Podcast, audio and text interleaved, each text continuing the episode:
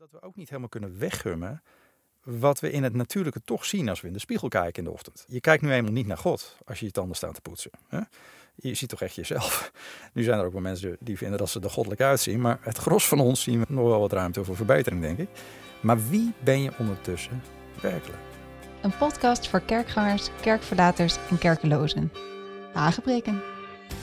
In een onzekere wereld waarin veranderingen elkaar versneld opvolgen en ons samenkomen, zingen en beleven steeds vaker onder druk komt, is een bijbelse koershouder een must en een kompas. Tuurlijk, het is jouw leven, het is jouw schip, maar de beste stuurlui, die hebben een loods. Mijn naam is Benaya en ik vaar graag een handje met je mee. Hi, fijn dat je weer luistert naar Hagepreken. Ja, het is nu toch echt zomer hoor. Het is ver boven de 25 graden. Het zit een beetje te bakken in de auto, maar dit weekend uh, wordt het zelfs uh, boven de 30 en uh, voorlopig geen regen in zicht. Uw gastheer heeft het alweer gehad eigenlijk met het weer. Maar goed, ik gun het iedereen. Afgelopen week was het overigens wel even heel anders zweten, maar dat had weinig met het weer te maken. Nu denk ik niet gauw in populaire christelijke termen als geestelijke strijd of iets dergelijks. Maar opvallend was het wel. Ik had um, sinds de laatste podcastaflevering. Die stonden maar één dag online. En twee van mijn websites werden meteen gehackt. Uh, nou, dan kun je zeggen dat kan iedereen gebeuren. Misschien wel. Maar zo rigoureus als het dit keer was huis gehouden achter de schermen. Ja, dat had ik nog niet eerder bij het gehad. En uh, daar ga je als vanzelf uh, ga je dan denken hè, van uh, was it something I said?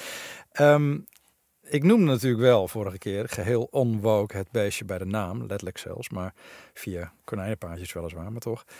Ik heb lang genoeg rondgewandeld in gebieden in Azië en het Midden-Oosten om ook wel realistisch te zijn wat eh, onze tegenstander betreft. Ehm, net als Paulus eh, moet ik zeggen, hij probeert zijn voordeel op ons te behalen, maar zijn gedachten zijn ons niet onbekend. Oftewel, hij pakt zijn kansen. En het zou me dus niet verbazen dat de laatste aflevering van Hagepreken ja, een beetje ergernis veroorzaakte aan de andere kant. Omdat ik tegen een van zijn favoriete onheilige huisjes aanschopte, denk ik dan. Maar goed, misschien vind je het gezocht. Kan natuurlijk ook toeval zijn. Maar je ziet het patroontje wel in de Bijbel. Hè? Zo van bokkenpootpesten direct in de nesten. Maar ja, ik weet natuurlijk niet of je dat wel eens is opgevallen. Maar ik zie dat dan bijvoorbeeld. Hè? En Elia die confronteert even een paar honderd baalpriesters. Kleineert ze vervolgens, letterlijk. Eh, door zijn eigenhandig een kopje kleiner te maken. En het gevolg is intimidatie en een dikke doodsbedreiging van hun koningin, Isabel, waardoor Elia op de vlucht slaat. Of, of van Paulus bijvoorbeeld, die Demetrius, de top zilversmid, die af, afgodsbeelden maakte in de wielerrijd. Met de eh, verkondiging van het evangelie. Niemand koopt meer beeldjes. En uh, wordt even een stadionnetje gevuld met Artemis-volgelingen die dan twee uur lang tilt gaan. je leest dat in handelingen. En uh, Paulus die wou er nog wel wat mee doen zeg je ook wat over Paulus, zegt zijn mannetjes putten van hey, ze zitten allemaal op één plek, we gaan prediken. Maar de rest van de discipelen zien dat en die zeggen van nou, we hebben je liever nog wat langer predikende, dus ze smokkelen de stad uit. Maar goed, zo zijn er nog heel wat voorbeelden uit de Bijbel. Hè. Natuurwetje misschien, actie is min reactie zeggen we dan. En eerlijk gezegd is dat ook wel een beetje mijn eigen ervaring hoor. Want uh, ja, zodra je de tegenstander dwars gaat zitten op zijn manier van werken blootlegt of zo, ja, dan is hij, laten we zeggen, not amused. En, en bijt hij meteen meestal eventjes stevig van zich af. Ik heb het afgelopen 30 jaar vooral gezien als ik iemand tot de Heer Jezus mocht leiden, of als ik bepaalde dingen confronteerde in het delen van het woord, of doordat je bepaalde projecten opzette. Hè, ehm, ja, dan bleef een reactie meestal niet uit. En dus eigenlijk is het ook gewoon logisch. Want waar het koninkrijk van God zichtbaar wordt in woord, daad of gebed, dan moet je hoe dan ook zien dat het stuk van het, van het Rijk van de Duisternis gaat wijken voor het licht van God. Ja, en dat is terreinverlies. Dus dan mag je ook wel die reactie verwachten, denk ik. Doorzettingsvermogen heeft de duivel sowieso wel. Hij zet het alleen zo negatief in. Dat is weer wat minder. Maar wat dat betreft heb ik heel wat rare dingen meegemaakt. Soms zo naar boven natuurlijk dat ik dacht, man, het lijkt wel een film. En meestal hou ik dat dan voor mezelf, omdat je nou ja, vooral als je het in Nederland uh, deelt en erover praat, dan krijg je vaak een beetje een meewarige blik of, of de nodige sepsis. Zo van, uh, volgens mij is Benai een beetje te lang in Nepal en India geweest. Hij heeft zelf ook niet helemaal op een rijtje. En dat begrijp ik natuurlijk ook wel, want dingen die je meemaakt of ziet als je de vijand confronteert, die kunnen vaak helemaal niet in het natuurlijke. Dat is heel bizar. En dat geeft je aan de ene kant een beetje de spooks, als je begrijpt wat ik bedoel. En aan de andere kant is het ook wel een heads-up dat geestelijke strijd of, of de geestelijke wereld veel reëler is dan dat je altijd aannam. En je realiseert je dan wel weer dat je Gods bescherming en backup nodig hebt. Heel hard. En uh, nou ja, misschien goed ook om bij deze dan ook nog maar even een verzoekje neer te leggen. Bij de luisteraars van deze podcast om uw gastheer wat dat betreft ook af en toe maar een beetje in gebed te houden. Want dit is natuurlijk niet helemaal een standaard podcast. Het blijft tenslotte vooral een geestelijk werk dit. En uh, de backlash die je krijgt beperkt zich niet alleen tot gehackte websites. Dat merk ik al een tijdje.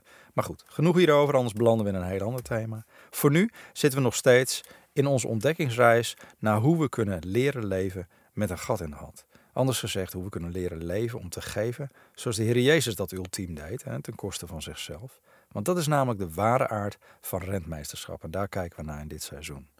En dit leven ten koste van jezelf is natuurlijk eigenlijk ook boven natuurlijk. Het is in ieder geval niet heel natuurlijk, want iedereen beschermt zichzelf. Dat is een ingeboren houding. Je beschermt je eigen leven, je lichaam, je huis, je haard, je hebben en je houden. En enerzijds is dat ook goed. Laten we dat niet vergeten. De bedoeling is, is denk ik ook wel dat je op die manier leeft, want je overleeft op die manier. En je beschermt jezelf en degene die je lief en dierbaar zijn. Aan de andere kant is het hierdoor natuurlijk ook makkelijker om by default, als een soort, laten we zeggen, fabrieksinstelling, telkens eerst voor jezelf te kiezen. En hierdoor bekruip je het gevoel dat het leven om jou draait. En er komen heel veel populaire zinsnijders vandaan, zoals van je moet wel om jezelf denken, dat hoor je mensen zeggen tegen elkaar. Of als jij maar gelukkig bent, daar gaat het om. Ehm, maar dat kan problematisch worden als het aankomt op het leven wat God voor ons in gedachten heeft. Want de Heer Jezus zei niet voor niets, en dat lees je in Lucas 9, wie zijn leven wil behouden, die zal het verliezen. Maar wie zijn leven verliezen zal, omwille van mij, die zal het behouden. Ja, en dat is een lastige. Want wat bedoelde hij met zo'n uitspraak? Ik weet nog wel als jonge christen dat ik een enorme moeite had met die specifieke tekst. Eddie en Rickert hadden er ook zelfs zo'n vervelend melodietje bij gemaakt, die maar in je hoofd bleef rondzingen. Mijn zus draaide het grijs vroeger. Het leek allemaal zo oneerlijk, zo tegengesteld. Ik bedoel, wie wilde nu zijn leven verliezen? Ik hield juist van het leven. Nog steeds trouwens. En toch, als we het weer even terugkoppelen naar de basis van rentmeesterschap die we in de voorgaande afleveringen ontdekten in Genesis 1, dan is het duidelijk dat het allemaal te maken heeft met hoe en met welke reden we in de schepping zijn neergezet. Want Genesis 1, vers 27 lazen we: God schiep de mens naar zijn beeld, naar het beeld van God schiep hij hem, mannelijk en vrouwelijk schiep hij hen. En daarmee, zoals ik vorige keer uitlegde, werd een fundament gelegd, een soort blauwdruk.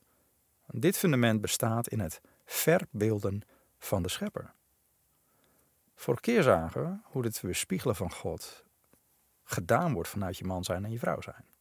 Als we met alle heiligen, mannen en vrouwen, en uitstrekken om op Christus te gaan lijken, om Christus gelijkvormig te worden, dan zullen we ook volledig kunnen begrijpen wat de breedte, lengte, diepte en hoogte is van de liefde van Christus, Efeze 3. Maar meer nog dan dat, dan kan de wereld om ons heen het plaatje pakken van wie God is. En daarmee komt dus ook de wortel van onze identiteit als mens te liggen in Hem. En hoewel het verleidelijk is om die identiteit te ontlenen aan wie je in de spiegel ziet, en hoe je eruit ziet, of je man of vrouw bent. Eh, vorige keer heb ik even gesproken over wat je genderoriëntatie is, hoe je je voelt, wat je opleiding, werk of status is. Maar je enige legitieme identiteit als christen in deze wereld is dat je Christus weerspiegelt. En jouw identiteit ligt in degene die jou heeft gemaakt. Want hij heeft je geschapen om hem te weerspiegelen. En dat is dus belangrijk om te blijven beseffen. Dat jouw identiteit en waarde wordt ontleend aan God, in wiens evenbeeld je gemaakt bent. En daarmee heb ik vorige keer al gesteld, ben je ook niet je spiegelbeeld, maar ben je zelf een spiegel voor anderen. Omdat je geschapen bent om het beeld van je hemelse vader te weerspiegelen. Nou, dat was de vorige aflevering. Maar wat heeft dat nu te maken met Jezus' woorden van jezelf verliezen, vraag je misschien af. Nou, vrij veel. En dat is omdat we ook niet helemaal kunnen weggummen wat we in het natuurlijke toch zien als we in de spiegel kijken in de ochtend. Je, je kijkt nu eenmaal niet naar God als je je tanden staat te poetsen. Je ziet toch echt jezelf. Nu zijn er ook wel mensen die vinden dat ze er goddelijk uitzien, maar het gros van ons zien we nog wel wat ruimte voor verbetering, denk ik. Maar behalve dat jij je buitenkant probeert te fatsoeneren, en het elke dag presentabel probeert te maken, heb je daarbij ook nog eens een zeker beeld van hoe je overkomt op anderen. Tenminste, hoe je denkt dat je overkomt op anderen. En dat maakt dat we feitelijk drie zelfbeelden hebben. Nou, dat moet ik misschien even toelichten. En ik bedacht me dat ik het beste dat kan doen naar aanleiding van een brief van Paulus aan de christenen in Korinthe. En dat begint in 2 Korinthe 5. Vers 1 beginnen we gewoon om. En omdat het een wat langer schriftgedeelte is, doe ik dat ook even vanuit de nieuwe Bijbelvertaling, de NBV 21. Want het luistert net even iets makkelijker. En Paulus legt daar het volgende uit, luister maar. Wij weten dat wanneer we onze aardse tent, het lichaam waarin we wonen, wordt afgebroken, we van God een woning krijgen, een eeuwige, niet door mensenhanden gemaakt, een woning in de hemel. We zuchten in onze aardse tent en we zouden willen dat onze hemelse woning er nu al over wordt aangetrokken. Nou, dat is in ieder geval herkenbaar, toch? Tenminste, als ik ochtends in de spiegel kijk naar die tent van mij, want een paleisje is het beslist niet, nooit geweest ook, ehm, dan denk ik met Paulus, Heer, kom snel terug, want ik heb dat opstandingslichaam echt heel hard nodig. Misschien ben ik de enige. Maar fijn dat Paulus daar dan nog eventjes aan toevoegt. En dat lees je in vers 3. We zijn er zeker van dat we bekleed zullen worden en niet naakt zullen zijn. Gelukkig maar. Vers 4. Zolang we in onze aardse tent verblijven, zuchten we onder een zware last. Omdat we niet willen dat deze kleding wordt uitgetrokken. We willen dat er een nieuwe over wordt aangetrokken zodat het sterfelijke door het leven wordt verslonden. Ja, prachtig dit. En het klopt, hè?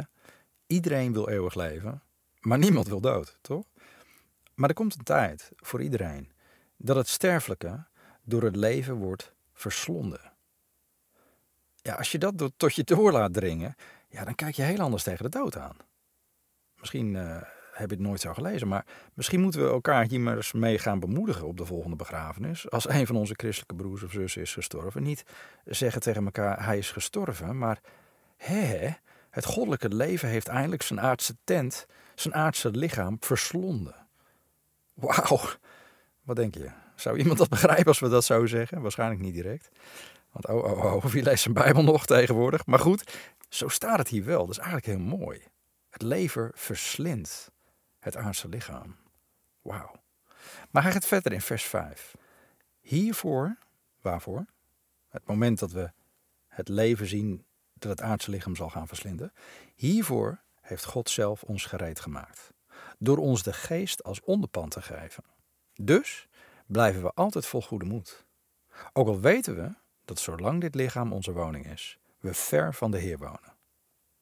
Ja, zo voelt het soms ook niet maar. God woont ver weg van ons. Maar het is vandaag goed dat zijn geest dicht bij ons woont en dat hij zijn geest aan ons gaf als onderpand. Vers 7. We leven nu immers vanuit vertrouwen, zonder al echt te zien. Ook al zouden we ons lichaam liever verlaten om onze intrek te nemen bij de Heer, toch blijven we vol goede moed. En daarom ook stellen wij er een eer in te doen wat Hij wil. Of we nu in dit lichaam wonen, in het aardse lichaam wonen, of niet. Maar dan komt het, vers 10. En dan schakel ik toch wel even terug naar de herziende statenvertaling voor de laatste drie versen, omdat je anders ja, toch wel een aantal belangrijke componenten mist. Want wij moeten alle voor de rechterstoel van Christus openbaar worden, opdat ieder vergelding ontvangt voor wat hij door middel van zijn lichaam gedaan heeft. Het zij goed, het zij kwaad. Nu wij dus deze vrees voor de Heer kennen, bewegen wij mensen tot het geloof. En voor God zijn wij openbaar geworden. Maar ik hoop ook voor uw gewetens openbaar te zijn. Want wij bevelen onszelf niet opnieuw bij u aan, maar wij geven u een aanleiding tot roem over ons. Omdat u iets te zeggen zou hebben tegen hen die het uiterlijke roemen. En niet in wat er in het hart leeft. Nou, tot zover. Het was een vrij lang stukje, maar het laat je wel heel iets belangrijks zien, namelijk dat er drie beelden van jezelf zijn. En daar begon het om. Ten eerste is er namelijk je zelfbeeld, hoe jij kijkt naar jezelf en dit uitdraagt naar anderen. En ten tweede is daar je imago, hoe anderen jou zien. En als laatste is er wie je werkelijk bent, zoals God jou ziet en openbaar zal maken straks. Laat me dit even uitpakken voor je. Ten eerste is er dus iedereen op een zekere hoogte bewust van hoe hij of zij overkomt op anderen. Tenminste, dat denken we vaak. Hè? We, we hopen dat we op een bepaalde manier overkomen. En het liefste maken we een gunstige indruk natuurlijk. Maar hoe anderen ons werkelijk zien, is niet per se hoe we onszelf zien. En laat staan wie we echt zijn. Het is alleen wat anderen zien. Of misschien wat anderen van ons maken, dat kan natuurlijk ook. Maar vaak doen ze dat allereerst op basis van gewoon uiterlijke kenmerken. En dat gebeurt aan de lopende band. Hè? En misschien eerst vanwege hoe je je kleedt. Hè? Kleding maakt de man, zeggen we dan. Maar dat geldt natuurlijk ook voor vrouwen. Hè? Misschien zelfs nog wel meer met kleding. Want zowel mannen als vrouwen vormen zich een beeld van iemands persoonlijkheid of mindset op basis van wat iemand aan heeft. Of hoe iemand zijn haar draagt. Of misschien zijn baard. Hè? Tegenwoordig heb je nogal wat smaken, zowel van mannen als vrouwen. Met knot, zonder knot. Had je vroeger allemaal niet. En, en toch kun je daar ja, gemakkelijk mee de mist in gaan. Ik weet bijvoorbeeld nog als student ging ik met een aantal uh, mede-navigators naar Moskou. En uh, daar was een van die uh, lokale jonge christenen, die nam ons mee naar een gelegenheid om wat te drinken. En dat bleek een thuishonk te zijn van de Moscow Nightwolves, een lokale motorgang. Nou, niet echt de plek die ik zelf zou hebben uitgekozen, maar goed, ik was de gast. En toch een van de dingen die me is bijgebleven is dat de gangleider er bijzonder ruig uitzag. Met zijn leren jack, tato's en een gigantisch grote baard met lange haren. En achteraf hoorde ik dat hij een chirurg was. Ja, dat had ik er niet aan afgezien. Maar ik keek puur naar zijn outfit. en zo maken mensen ook een inschatting van hoe of wie je bent. Uh, naar aanleiding van, van, van dat soort dingen. Maar niet alleen kleding, ook, ook hoe je loopt, hoe je zit, hoe je staat, hoe je kijkt wat je gezichtsuitdrukking is, boos of blij of bedroefd. Of dan denken ze, nou, misschien is die arrogant of trots. Het hoeft helemaal niet zo te zijn, maar mensen kijken en ze maken een inschatting. En soms word je ook afgerekend op wat je zegt, hè? gewoon puur op je woorden. Of misschien op een enkele ervaring die mensen met je hebben. Maar het wil niet altijd zeggen dat dat is wie je bent, wie je echt bent. Want wie je werkelijk van binnen bent, dat kan verborgen blijven. En dat zie je bijvoorbeeld ook in het Oude Testament. Als God de profeet Samuel duidelijk maakt dat toen hij de volgende koning moest gaan zalven bij de familie van Isaï, zag hij al die imposante zonen. Toen zei hij: Kijk niet naar het uiterlijk. En kijk ook niet naar de hoogte van zijn gestalte. Hè? Tall, dark en handsome. Het is namelijk niet wat de mens ziet. Want wat de mens ziet is wat voor ogen is. Maar de Heer ziet het hart aan. Ja, maar zo gaat het vaak wel. De mens is een nu eenmaal een kei in om te oordelen naar, wat hij ziet.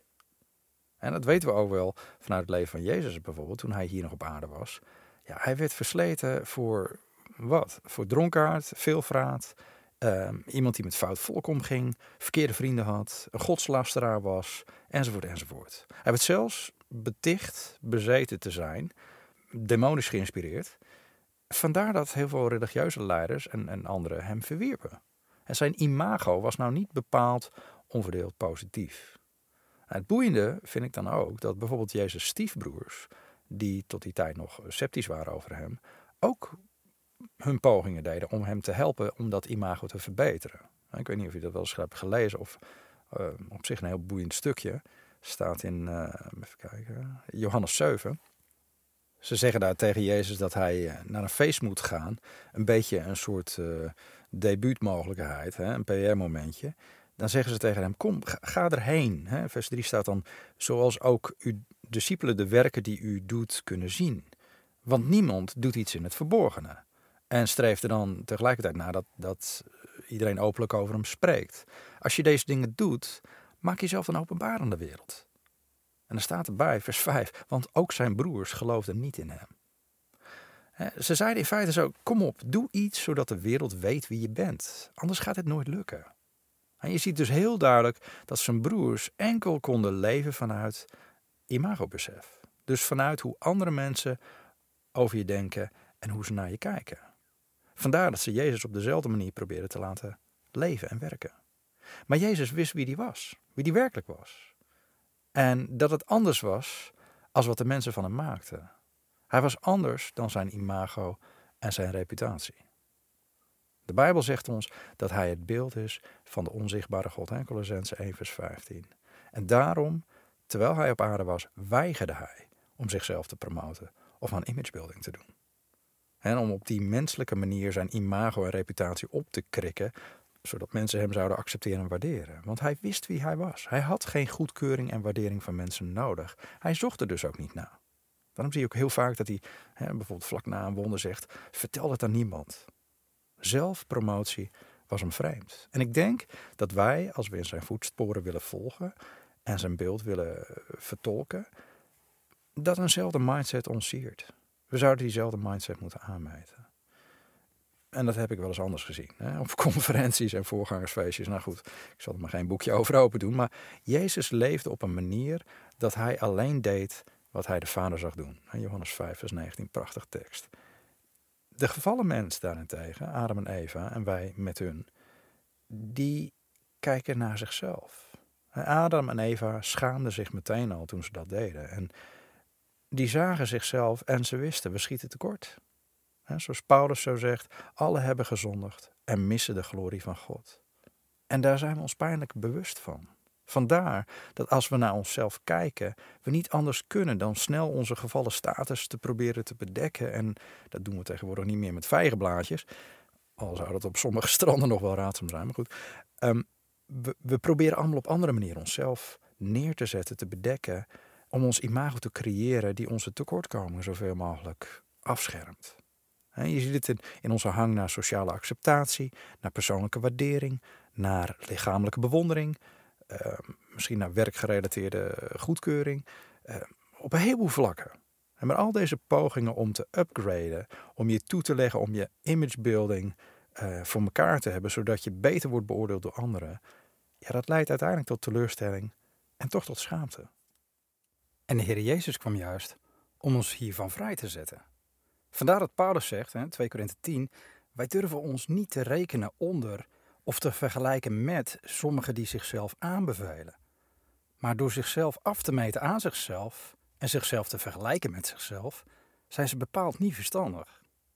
Eenvoudiger gezegd, Paulus wou niet deel zijn van mensen die zichzelf als maatstaf nemen, die anderen vergelijken met zichzelf. Want die weg is eindeloos. Want als je voortdurend jezelf loopt te vergelijken met anderen en voortdurend loopt te wedijveren met anderen, ja, dan zal je telkens weer je tekortkomingen moeten verbloemen. En ondertussen jezelf moeten blijven promoten. Terwijl je werkelijke zelf ook moet beschermen tegen kritiek. ja, hoe vermoeiend is dat? dit is in essentie alleen wel de maatstaf geworden in onze wereld.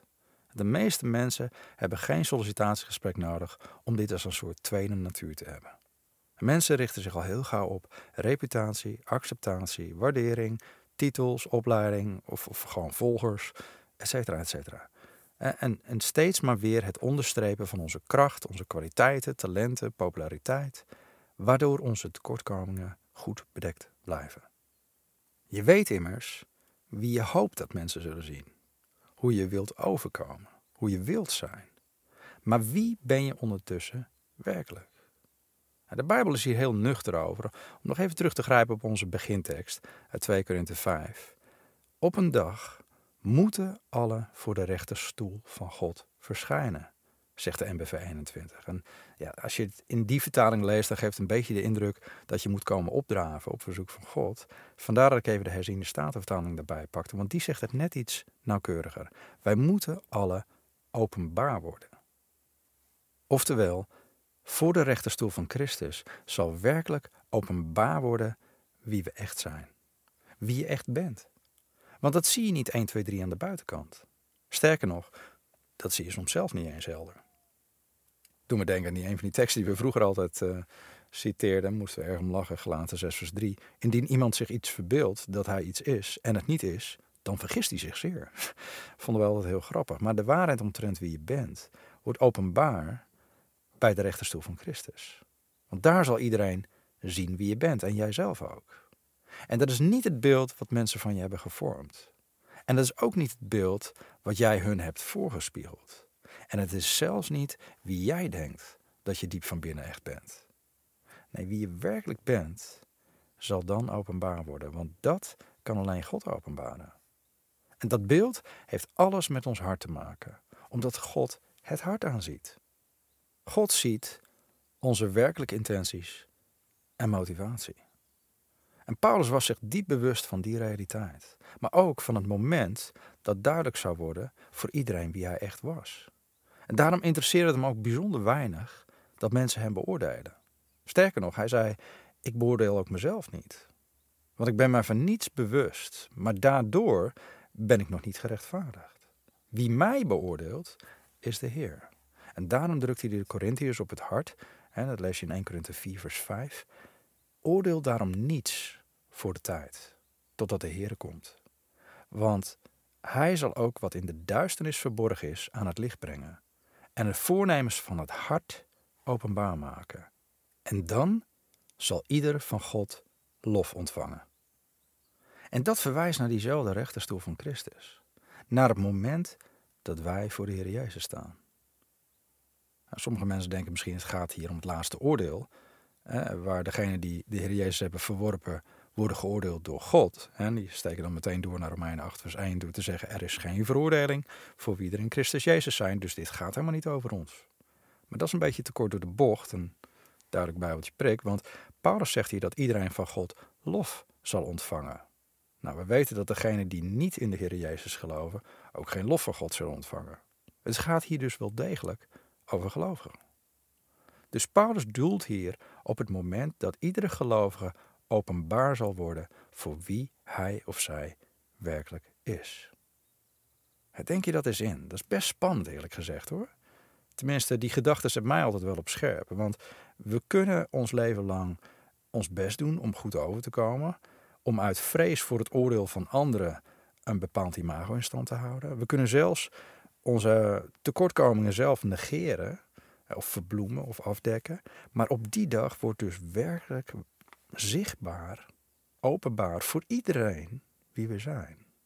Alles wat je gedaan hebt in deze aardse tent, wat je werkelijke hartsmotivatie was, al je dubbele bodems, al je gekke nukken die je wegwuift onder een noemer persoonlijkheid of temperament of iets dergelijks, en al je excuses om iets niet te doen of juist niet te kunnen laten op basis van wat je hebt meegemaakt of wat je is aangedaan, moet ik nog even doorgaan.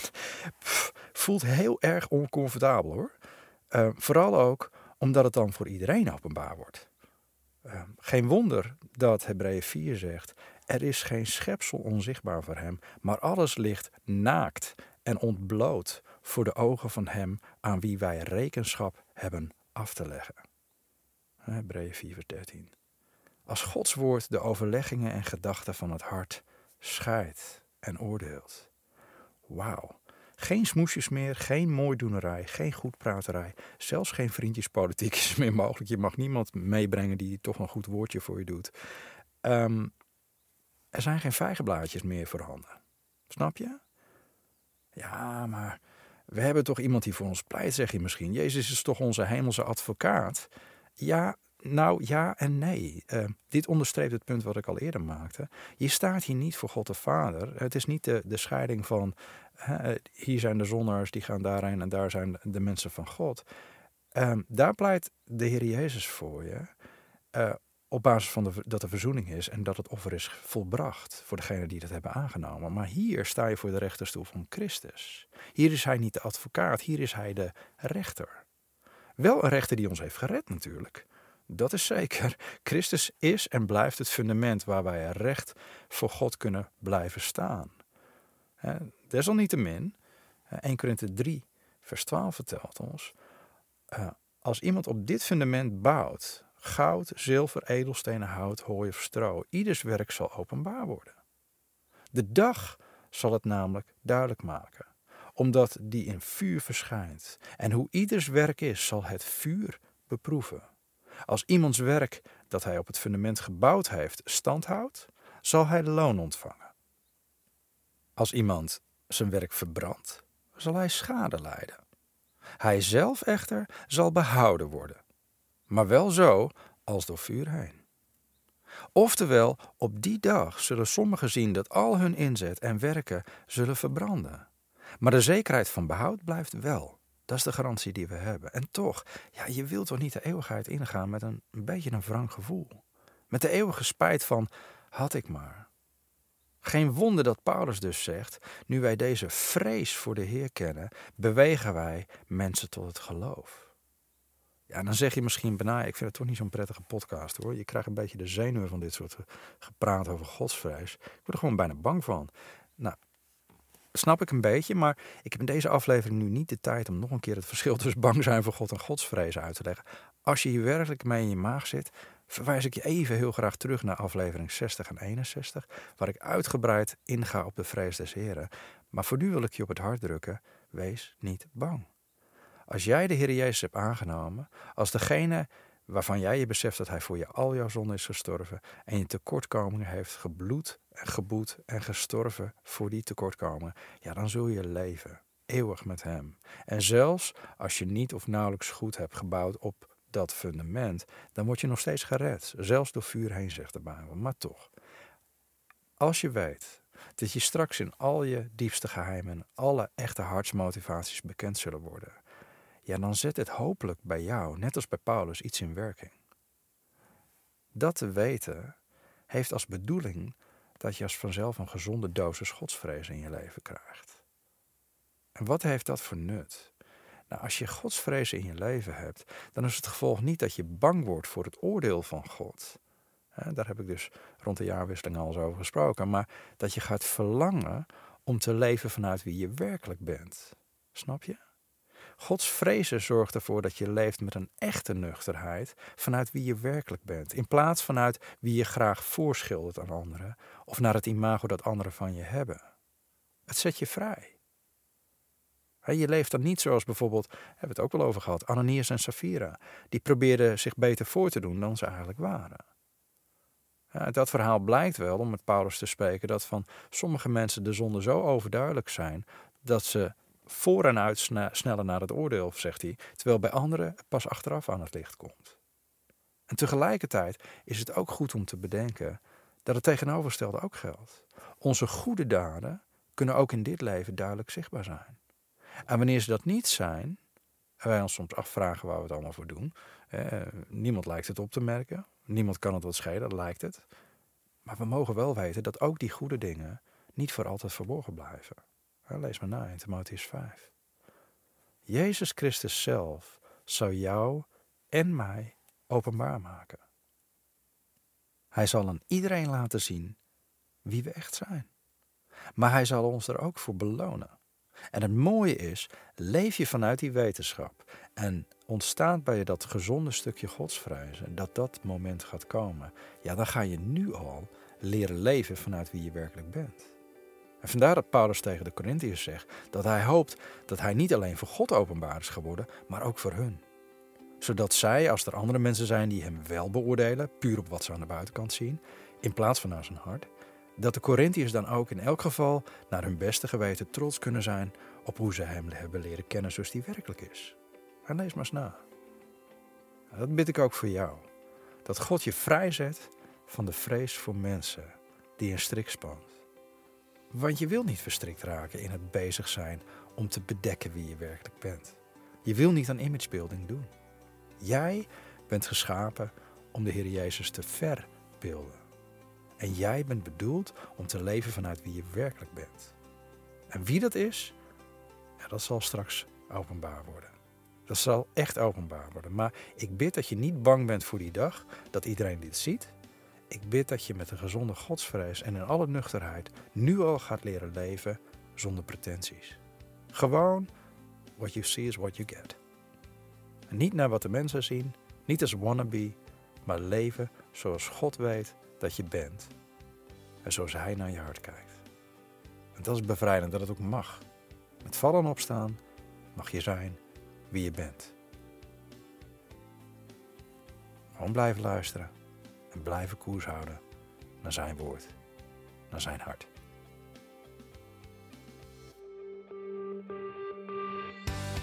Heb je vragen, aanvullingen of opmerkingen? Drop dan gewoon even een mailtje via podcast.saintkenheim.com. Ben je nu versterkt en opgebouwd door deze podcast? Ik zou zeggen, zeg het voort. Of drop even een recensie, zet wat sterretjes of vinkjes in je podcast-app. En op die manier vinden ook anderen makkelijker en worden ook zij weer bemoedigd en versterkt. Natuurlijk kan je Hagepreek ook praktisch sponsoren, om zo het bereik en de frequentie van deze podcast te vergroten. Op de Nederlandse site saintkenheim.nl zie je hoe je dit via PayPal of Ideal kan doen. En voor degenen die al sponsoren en vooral ook meebidden voor de impact van Hagepreken wil ik zeggen... Jullie maken deze podcast mogelijk. Echt heel hartelijk bedankt.